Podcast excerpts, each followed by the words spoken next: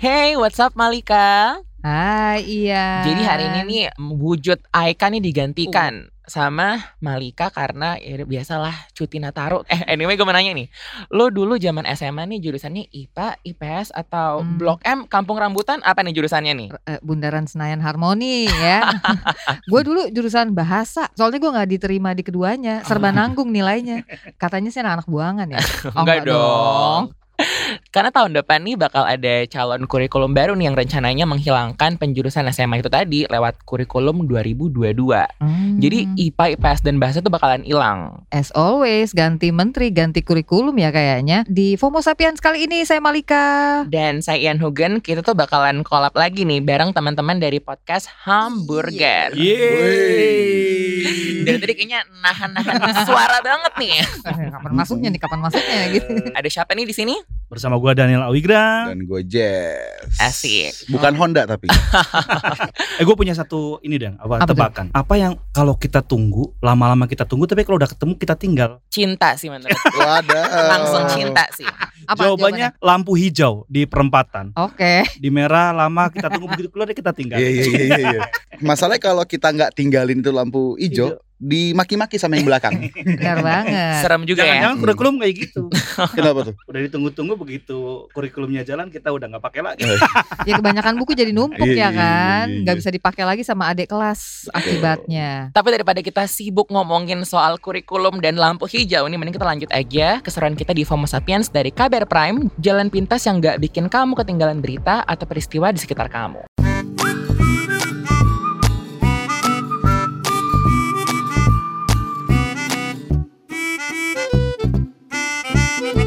Yang namanya media sosial ya, perhatian kita tuh kan selalu ditarik ke segala arah ya nggak Yan?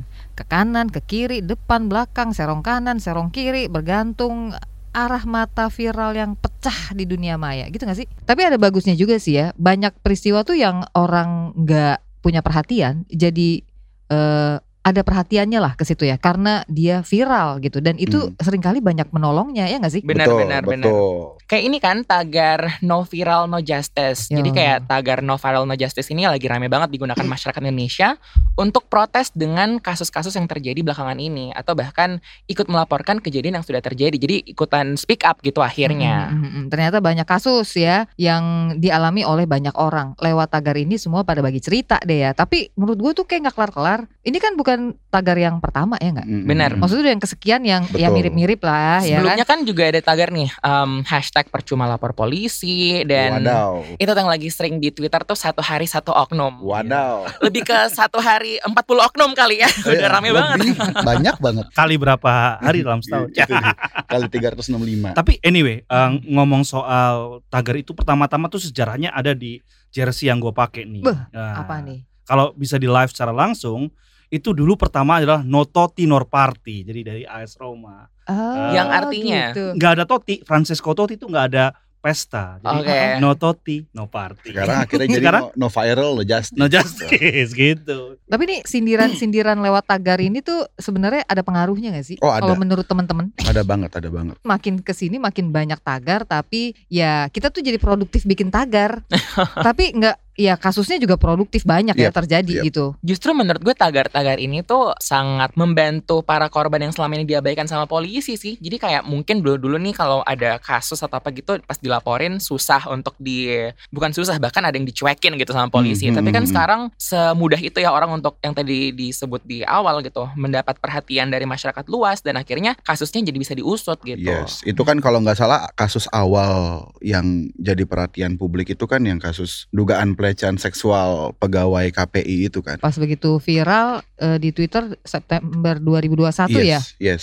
udah deh tuh baru deh ada pergerakan mengusut kasus itu Jadi kalau nggak viral kira-kira apakah akan lanjut diusut? Ya, mungkin ini tagar adalah jalan pintas untuk mempercepat pengusutan kasus Exactly. Atau atau mungkin juga eh, masyarakat udah nggak percaya lagi, eh, nggak disut-usut, akhirnya diviralkan. Artinya masyarakat lebih cenderung percaya kepada netizen daripada percaya kepada aparat keamanan. Mm, mm, Betul. mm, mm. Karena begitu viral, akhirnya menjadi kayak semacam pola, pattern bahwa kalau viral nanti kasus gue dilapor. Ini kan jadi cara cara apa namanya cara penegakan hukum yang harus nunggu kasusnya viral dulu. Ini Mm-mm. kan nggak benar kayak gini. Apakah kemudian semua orang memiliki akses yang sama untuk bisa menjadi viral? Kan Enggak Hmm, juga. sekali sama. Nah kemudian kemarin kan gua nggak tahu ya gimana ceritanya terus ada hasil survei dari Carta Politika yang menunjukkan bahwa Polri katanya nih katanya Carta Politika bukan kata gua Polri adalah lembaga hukum paling baik kinerjanya. Hasil survei ini menempati Polri di urutan pertama, KPK di urutan kedua, dan kemudian Mahkamah Agung. Ngeri. Hmm, ngeri.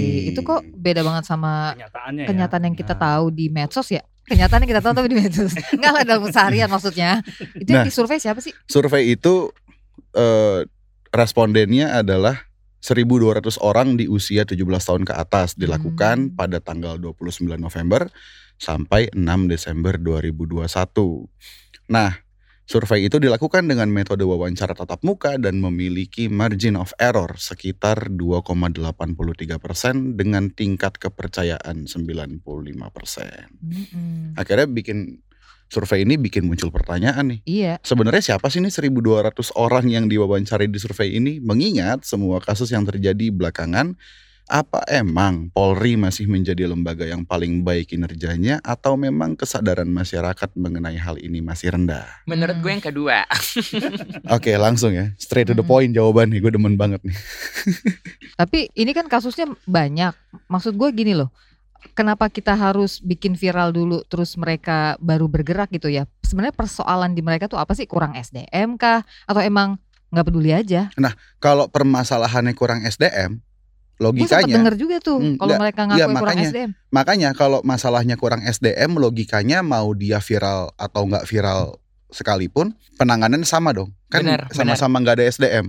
Tapi karena dia ditangani setelah viral duluan, berarti sebetulnya mungkin nggak ada pengawasan. Yang lucunya lagi tuh pas eh, ada tagar satu hari satu oknum tuh ya, itu kan juga sering bersanding dengan tagar-tagar sebelumnya tuh. Dan dan setiap ada cuitan kayak gitu tuh, polisi itu menanggapinya dengan kan cuman oknum, jangan disamaratakan semua sampai bawa-bawa instansinya gitu. Oknum yang berbuat jangan dibawa sampai instansi berulang-ulang kayak gitu. Tapi masalahnya nih, kasus-kasus dari pihak kepolisian yang terus bermunculan setiap hari sampai muncul tagar satu hari satu oknum, nah, itu bikin kita juga apa ya?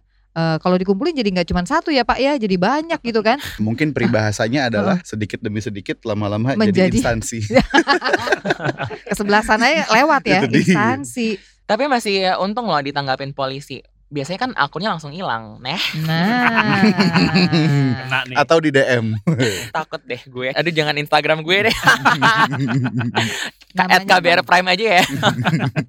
Ngomong-ngomong tadi soal oknum dan soal hashtag satu hari satu oknum, gue jadi bertanya-tanya. Kalau emang masalah di dalam kepolisian selalu soal oknum dan setiap kali ada masalah oknumnya dikeluarin, harusnya kan masalah itunya masalahnya selesai dong. Ya enggak sih? Kalau masalahnya di oknum, oknumnya dikeluarin, Selesai satu, masalahnya berarti harusnya selesai. Nah. faktanya kan entah udah dari kapan tahu oknum-oknum yang bermasalah itu dikeluarin. Tapi ternyata masalahnya nggak kelar-kelar. Pertanyaan kritisnya kemudian jadi gini, apa ini masalah masih mau dianggap sebagai persoalan oknum belaka atau jangan-jangan emang ada masalah yang lebih serius nih? Terlepas dari apa masalahnya, kemudian fakta munculnya hashtag-hashtag tadi yang kita bahas di atas itu percuma lapor polisi, satu hari satu oknum ini kan menunjukkan adanya ketidakpercayaan dan kekecewaan publik terhadap polisi sebenarnya. Mm-mm. Publiknya lebih banyak ya daripada yang sekadar 1.200 orang itu tadi yang disurvei. Lagian kalau ngomongin soal survei yang tadi mungkin aja survei yang ngomong bahwa 1.200 orang berkata kinerja kepolisian itu baik emang dilakukan di komplek Polri. Kita nggak tahu nih.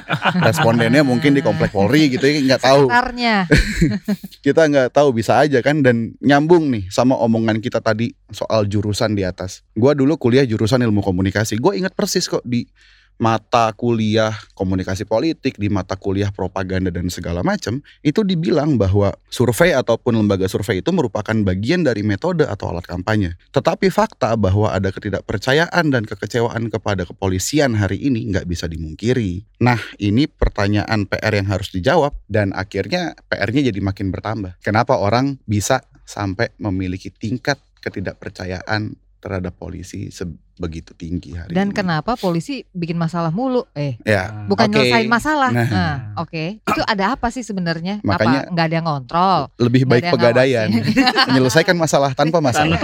nah, jadi lebih keren itu. Yoi. Ya, kalau kita balik ya, kalau ngelihat eh, agenda reformasi sejak 98 itu kan sebenarnya salah satu agendanya adalah eh, penghapusan dui fungsi ABRI dulu. Mm-mm. Eh, Nah, polisi itu masuk dalam ABRI, barang TNI dalam ABRI itu. Nah, kemudian setelah itu memang satu agenda yang belum kelar yaitu reformasi di sektor keamanan. Salah satu agendanya yaitu memang menciptakan eh, aparat keamanan yang profesional, nggak main bisnis dan sebagainya. Itu awalnya. Nah, kemudian ke- setidaknya kalau dalam konteks ini, setidaknya ada tiga masalah besar yang yang apa namanya perlu kita lihat dalam kasus kepolisian ya. Pertama mungkin sistem kontrol. Karena mereka kan aparat yang punya kekuatan eh, force ya, apa punya senjata. Kalau nggak dikontrol sama supremasi sipil bisa jadi otoriter kan. Hmm. Jadi memang pertama kontrol atas eh, eh, apa namanya orang-orang atau institusi yang punya eh, senjata itu menjadi sangat penting dan ini ini ini ini ini penting banget eh, mungkin diperlukan di eh, apa namanya didorong lagi agenda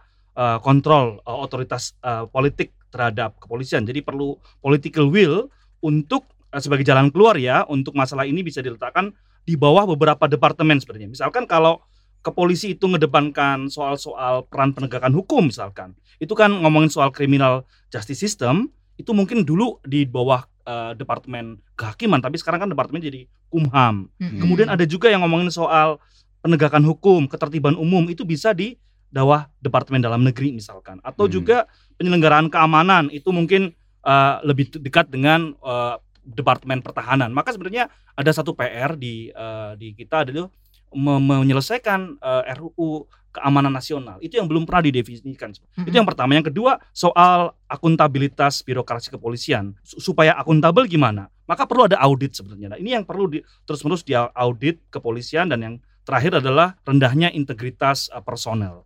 Di mana integritas ya akhirnya eh, satu persatu aparat dibilang sebagai oknum gara-gara integritas itu menjadi satu PR. Jadi ada tiga hal besar yang menurut saya perlu untuk didorong lagi khususnya bisa dikaitkan dalam konteks eh, revisi ya mendorong RUU keamanan nasional. Maksudnya kan kayaknya publik perlu tahu nih, apa sih bedanya emang kalau misalkan si polisi ini berdiri sebagai institusi sendiri yang langsung bertanggung jawab pada presiden Mm-mm. dan kalau si polisi itu ada di bawah kementerian kemudian efeknya itu akan menjadi seperti Kontrol. apa?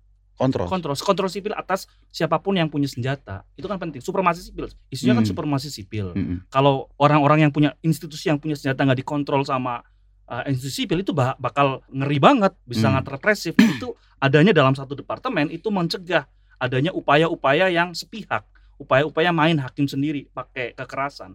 Maka perlu ada uh, kontrol dalam otoritas sipil yang Hmm. yang punya kuasa jadi uh, dulu agendanya adalah supremasi sipil bukan Hmm, supremasi hmm, hmm. militer itu balik ke agenda tahun 98 sebenarnya Lagian kalau misalkan sekarang polisi berada di bawah presiden, gitu agak susah juga. Merepotkan. Eh, eh, karena nanti begitu ditanya presidennya nih, kenapa nih polisi begini? Ya enggak tahu kok tanya saya. Iya iya iya. Beberapa kasus kan akhirnya jadi kayak gitu ya. Misalnya eh, kasus-kasus apa ya energinya banyak terkuras karena kasus-kasus yang ada di kepolisian harus diawasi oleh presiden. Misalnya konflik Mabes Polri dengan KPK ya saat Bareskrim eh, Polri nangkep Bambang Wijoyanto eh, ditambah dengan dua laporan pidana atas Wakil Ketua KPK Adnan Pandu Praja dan Ketua KPK Abra- Abraham Samad. Ini juga pernah terjadi sebelumnya di era Presiden SBY, eh, dikenal dengan istilah cicak versus buaya. Mungkin lebih baik kalau presiden fokus dengan urusan lain lah ya yang lebih mendesak gitu. Jadi presiden bisa pantau Polri melalui Kemendagri. Ya, Benar. salah Hmm. satunya Tapi ngomongin soal integritas Polri ya, apa mereka mungkin harus ikut tes wawasan kebangsaan juga kali ya?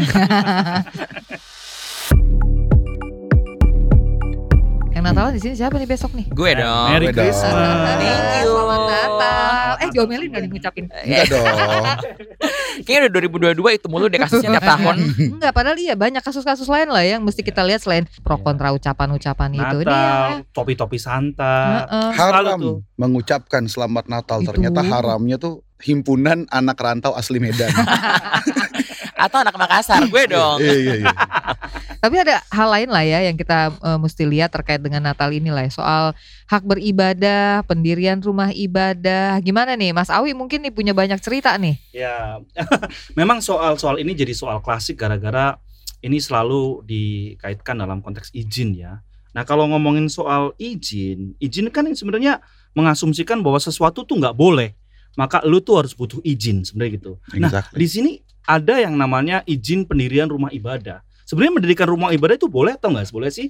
Padahal kan itu konstitusi boleh sebenarnya mendirikan rumah ibadah. Kenapa harus minta izin? Nah ini problem menurut saya cukup eh, struktural dan cukup fundamental ya. Kenapa eh, ada persoalan izin-izin rumah ibadah? Nah kalau misalkan tetangga-tetangga nggak ngasih izin, apakah eh, rumah ibadah tertentu juga bisa berdiri atau enggak? Nah ini problem eh, ada banyak sekali problem-problem pendirian rumah ibadah. Salah satunya adalah yang dialami hari ini misalkan yang juga sudah coba diselesaikan namun namun masih juga mau dikasusin ke ORI ya atau Om- Ombudsman Ombudsman. Republik Indonesia yaitu kasus GKI Yasmin ya. Mm-mm. Ini salah satunya yang selalu eh, ditolak warga nggak dapat izin dan sebagainya. Ini salah satu contoh yang mungkin deket dari ibu kota. Tapi ada banyak sekali eh, konflik rumah ibadah yang nggak dapat izin, misalkan di Aceh Singkil. Ada banyak gereja yang selalu nggak dapat izin. Atau mungkin di beberapa daerah lain, misalkan eh, vihara nggak bisa eh, dibangun kadang-kadang dapat izin. Atau mungkin barangkali bisa jadi nah ke depannya kalau di daerah yang mayoritasnya Kristen atau Katolik atau Hindu nggak ngizinin umat Islam buat masjid itu kan bisa kejadian itu juga gitu. Jadi memang problem izin ini eh, yang ada dalam SKB bersama pendirian rumah ibadat ini perlu untuk kita eh, kritisi ya sebenarnya. Iya, tapi gue juga pengen tahu sih kalau misalkan eh, ini kan memang mayoritasnya muslim ya dan kita lihat musola, masjid tuh banyak banget. Kalau yang kayak gitu-gitu ngurus izin gak sih sebenarnya atau karena mayoritas jadi nggak perlu atau lebih mudah karena dilihat oh banyak yang perlu tempat ibadahnya gitu. Kalau to be fair ya izin izin semua dong. Kalau enggak nggak semua kan. Masalahnya dalam konteks izinnya sendiri kita coba kritisi barang-barang perlu nggak sih ini izin gitu kan. Hmm. Kalau izin kan berarti bisa dapat bisa enggak ya? Benar. Gitu. Ya. Sementara yang dipersoalkan izinnya adalah hak. Apakah hak itu harus berbasis izin kan enggak kayaknya. Mm-mm. Tapi gue pernah tahu cerita yang di Papua ya, kok nggak salah yang Hmm. yang membangun masjid gitu. Terus bye-bye aja tuh gitu. Hmm. Padahal itu kan bukan wilayah mayoritas muslim gitu. Hmm. Tapi kenapa ketika misalnya yang Kristiani di mayoritas eh, atau sebaliknya ya berarti itu kok sulit banget ya atau eh, Ahmadiyah gitu kan. Hmm. Ya tidak diakui ya. Itu mah karena juga ada aturan lain yang menyatakan dia sesat tapi susah gitu. Sementara kalau di tempat yang mayoritas non muslim mau bangun masjid ada kesulitan tapi nggak sampai ada konflik yang besar gitu loh. Pernah dengar nggak sih ceritanya itu? Itu faktanya menurut gue selamat datang di negaramu sendiri.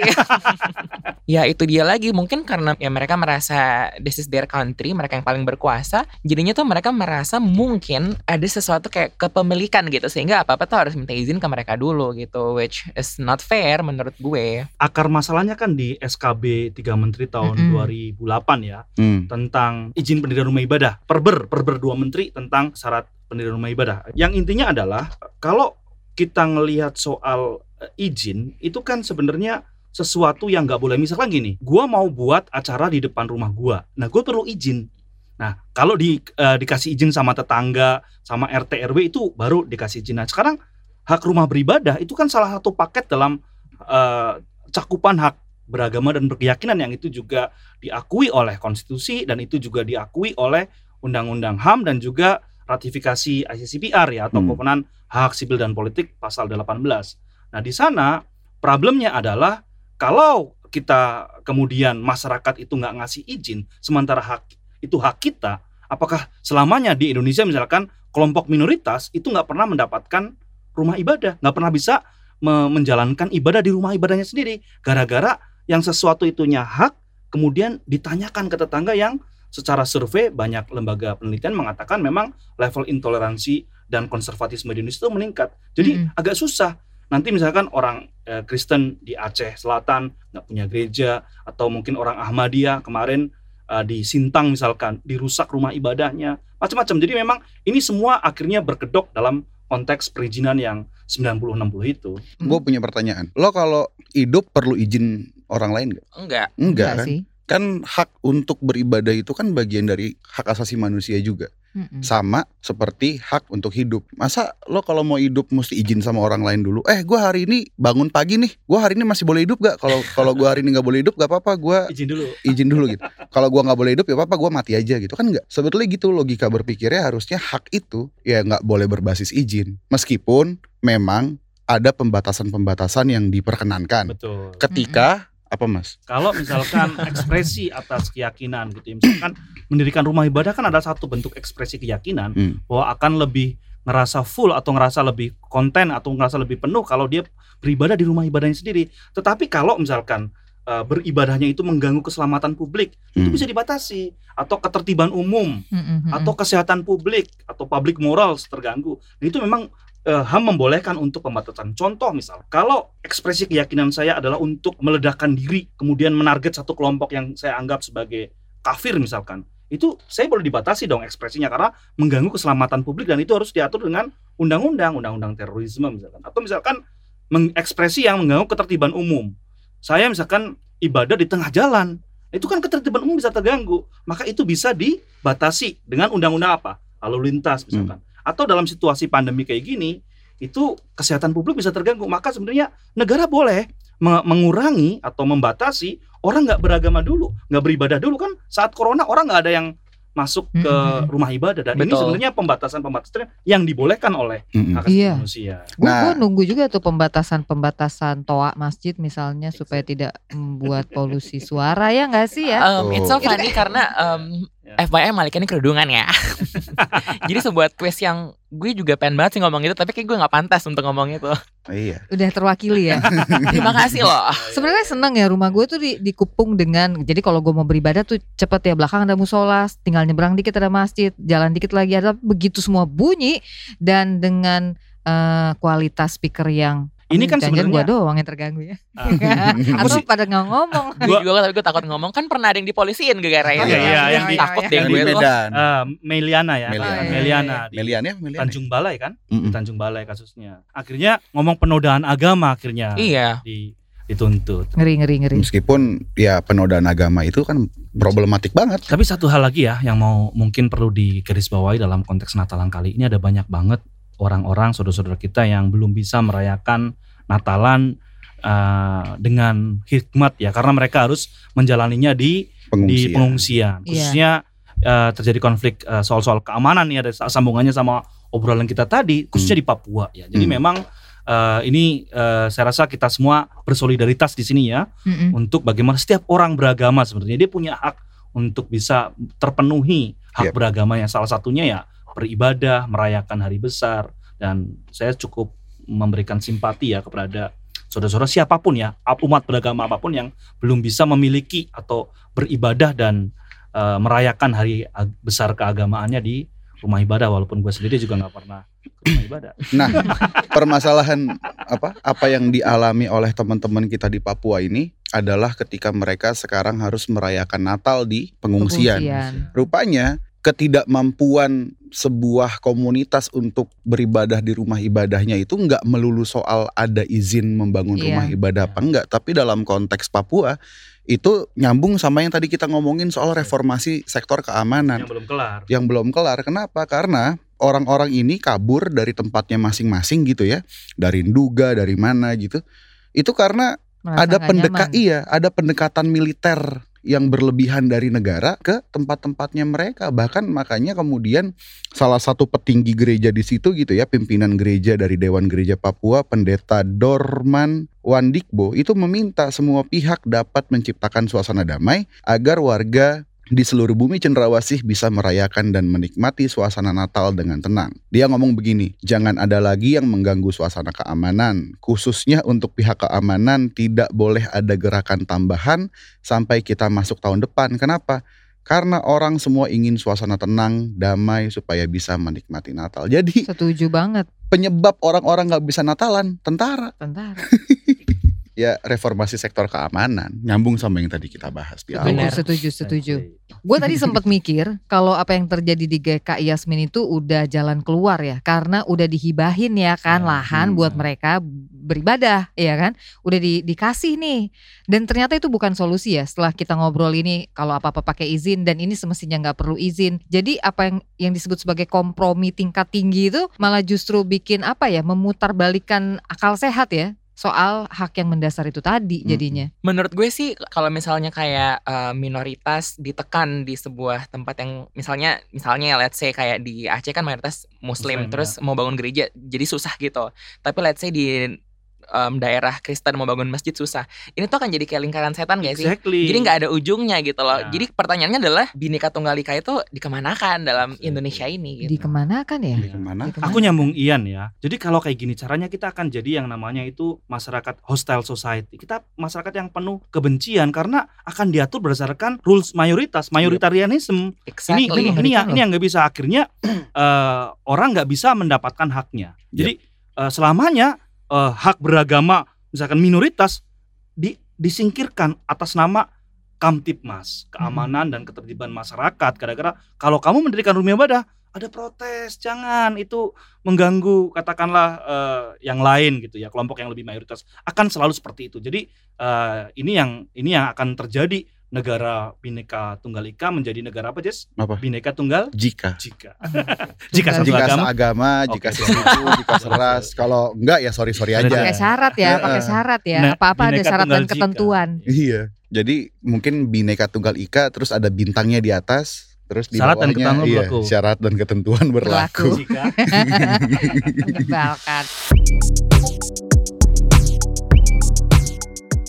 Kapan hari itu tuh gue ngeliat yang viral tuh di pasar rumput ya. Orang-orang ngantri eh, mau di karantina tapi tempatnya nggak ada. Full. Abis melakukan perjalanan luar negeri gitu. Terus ya udahlah dioper ke tempat lain. Terus belakangan ada isu lagi tuh soal karantina soal calo hotel ya kan yang bikin Hmm. harga jadi melambung. Eh, banyak yang ngeluh juga nih abis jalan-jalan dari dari luar negeri terus mau karantina di sini katanya wajib tapi harganya mahal banget dan harus ngerogoh kocek sendiri. Tapi kalau dipikir-pikir mereka kan keluar bukan karena situasi yang mendesak ya disindir juga sih sama Luhut. Lalu kan jalan-jalan ibarat kasarnya gitu kan lu balik ke sini minta karantina gratis ya nggak bisa lah coy gitu ya. Cuman harganya mah nggak masuk akal banget gila kali sampai puluhan juta tuh. Ada juga nih dari sebuah video lain yang menunjukkan para penumpang di Soekarno Hatta nih, Bandara Soekarno Hatta, Kota Tangerang sedang menunggu untuk mengikuti karantina kesehatan. Video ini tuh viral di media sosial. Jadi ada seorang perempuan lah yang merekam video menyebut bahwa video itu diambil sekitar pukul 4 subuh.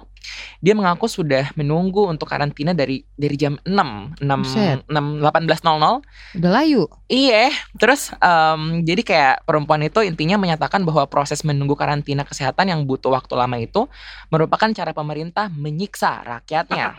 iyalah terlunta-lunta di bandara PN kan kagak ya walaupun itu suka suta juga nah, tapi Sesuka-sukanya di ya. video itu Heeh. dia ngaku dia tuh seorang turis, jadi kayak Oh. dia tuh ngantri sama TKI TKI lah. oh oke Perempuan itu juga mengungkapkan hal yang sama yang kayak tadi lo bilang, karena kayak em, kalau mau karantina kesehatan di hotel secara mandiri, ya itu nggak make sense harganya. Sih Kalau sebutnya TKI kayaknya masuknya di fasilitasi pemerintah ya, Ah, pekerja ah. migran, pelajar, Hmm. PNS. pelajar ah. TKI ya gratis. Nah ini ngapain mereka pada ngantri? Terus kurang lebih tuh ini dari Mbak Mbak E ya katanya calo-calo calo-calo tuh eh, nawarin kurang lebih sekitar 19 juta untuk 10 hari karantina. Buset, Duitnya dari mana? Aing jadi TKI juga.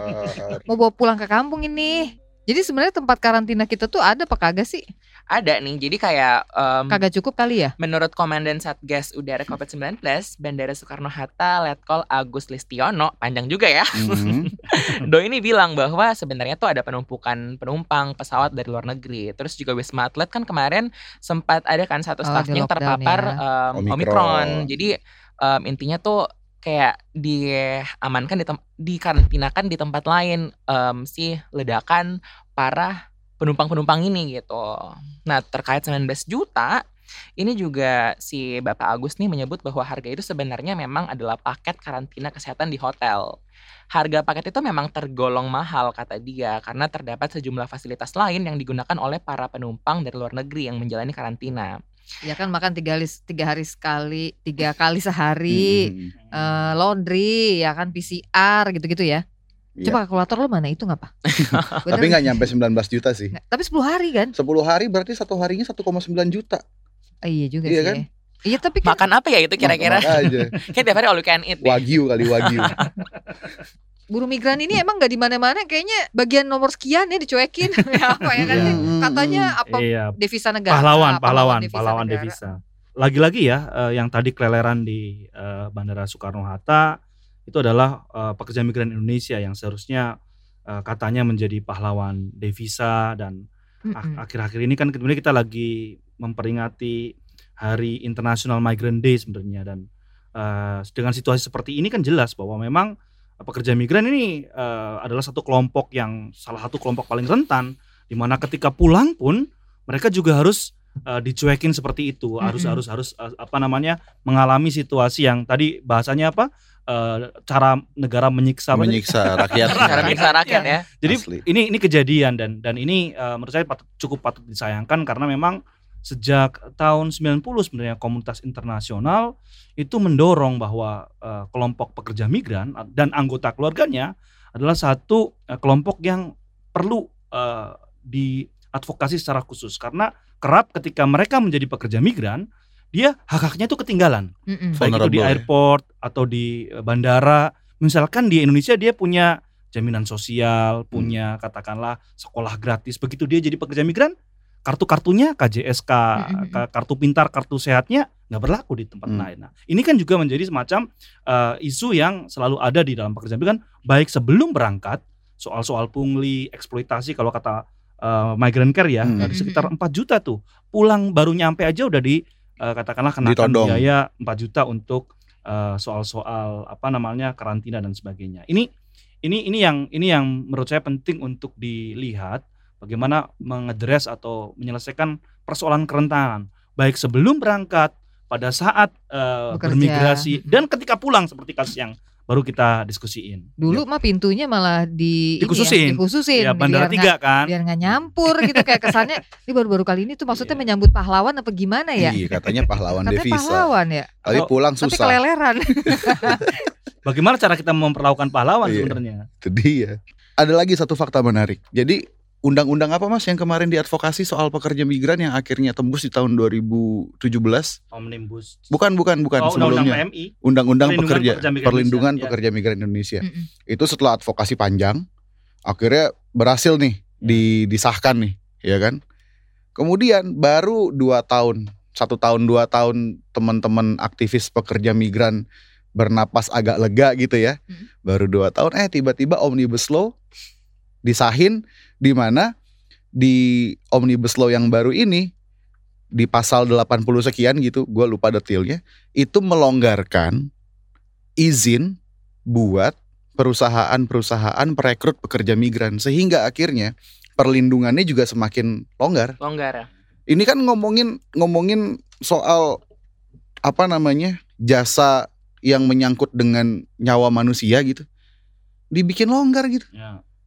Ini peraturannya. Kan betul ngaco. betul Jess. Jadi ini problem di uh, pra perangkatan Hmm, ya, hmm. overcharging, kemudian juga tidak ketat aturan untuk perlindungan khususnya uh, potensi adanya perdagangan manusia. Hmm. Kalau uh, izin-izin perekrut itu dibuat gampang, artinya kan akan ada banyak perekrut-perekrut yang tidak bertanggung jawab. Aspek-aspek katakanlah bisnis yang tidak bertanggung jawab itu uh, akan akan makin menjadi persoalan ke depannya. Tapi mungkin yang gue mau tambahin adalah bagaimana situasi pekerja migran di luar negeri. Mm-mm. Itu kita banyak banget buat uh, studi soal itu HRWG. Uh, salah banyaknya, salah, Itu salah- jarang loh Eh, ada di media-media exactly, mainstream loh. ya. Sebenarnya apa sih yang mereka alami gitu ya? Ya. Mungkin sebenarnya problem umumnya eh, kejadian ketika COVID jadi kelihatan banyak, tapi ke, i- isi masalahnya atau struktur persoalannya itu eh, bahkan s- eh, itu ada jauh sebelum COVID, yaitu bagaimana cara negara ini eh, memperhatikan atau ngetrit eh, eh, warganya. Jadi mandat undang-undang mereka atau UUD mereka atau konstitusi mereka kan sebenarnya melindungi warga negara. Nah, pekerja migran itu bukan warga negara mereka. Jadi mereka diperlakukan sebagai lian orang lain gitu. Sehingga mereka dari awal itu didiskriminasi, distigma dan Hmm. tidak mendapatkan akses ataupun uh, kualitas layanan yang sama dengan warga negara. Itu sebenarnya pangkal pokok persoalan pekerja migran di luar negeri. Hmm. Mereka dilihat sebagai uh, orang yang datang ngambil tenaga kerja atau pekerjaannya orang lokal, kemudian ya menjadi ancaman terhadap ekonomi negara tersebut gitu. Jadi Dan itu nggak hanya pekerja migran, migran secara umum juga mengalami hal itu kan. Ketika Exactly. misalkan seolah-olah relasinya hanya antara pemerintah dan warga negara, lah terus kami kami ini kita kita kita kita ini yang bukan warga negara negara tersebut tidak mendapatkan perlindungan apa apa dong, Mm-mm. kan gitu.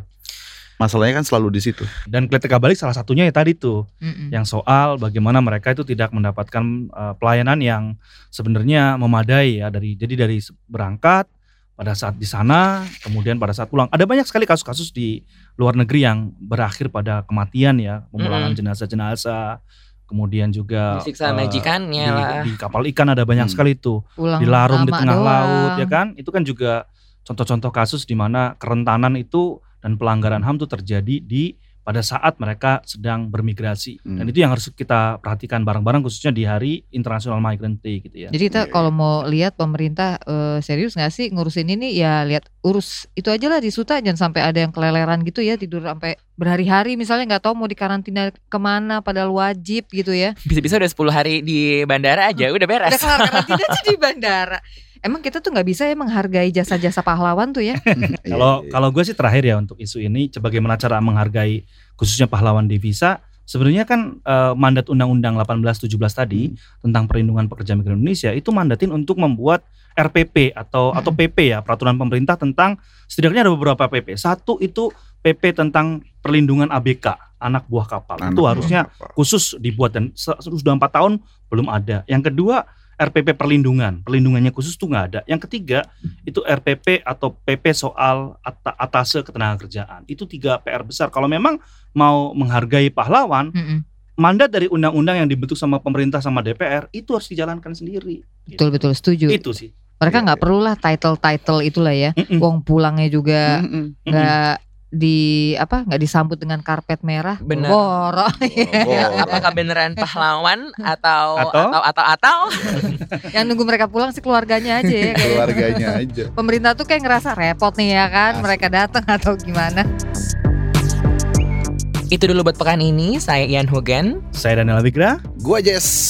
Gua Malika, selamat, Selamat Natal. damai di surga damai di bumi nih. Damai di surga, Pacem in damai Paris. di bumi.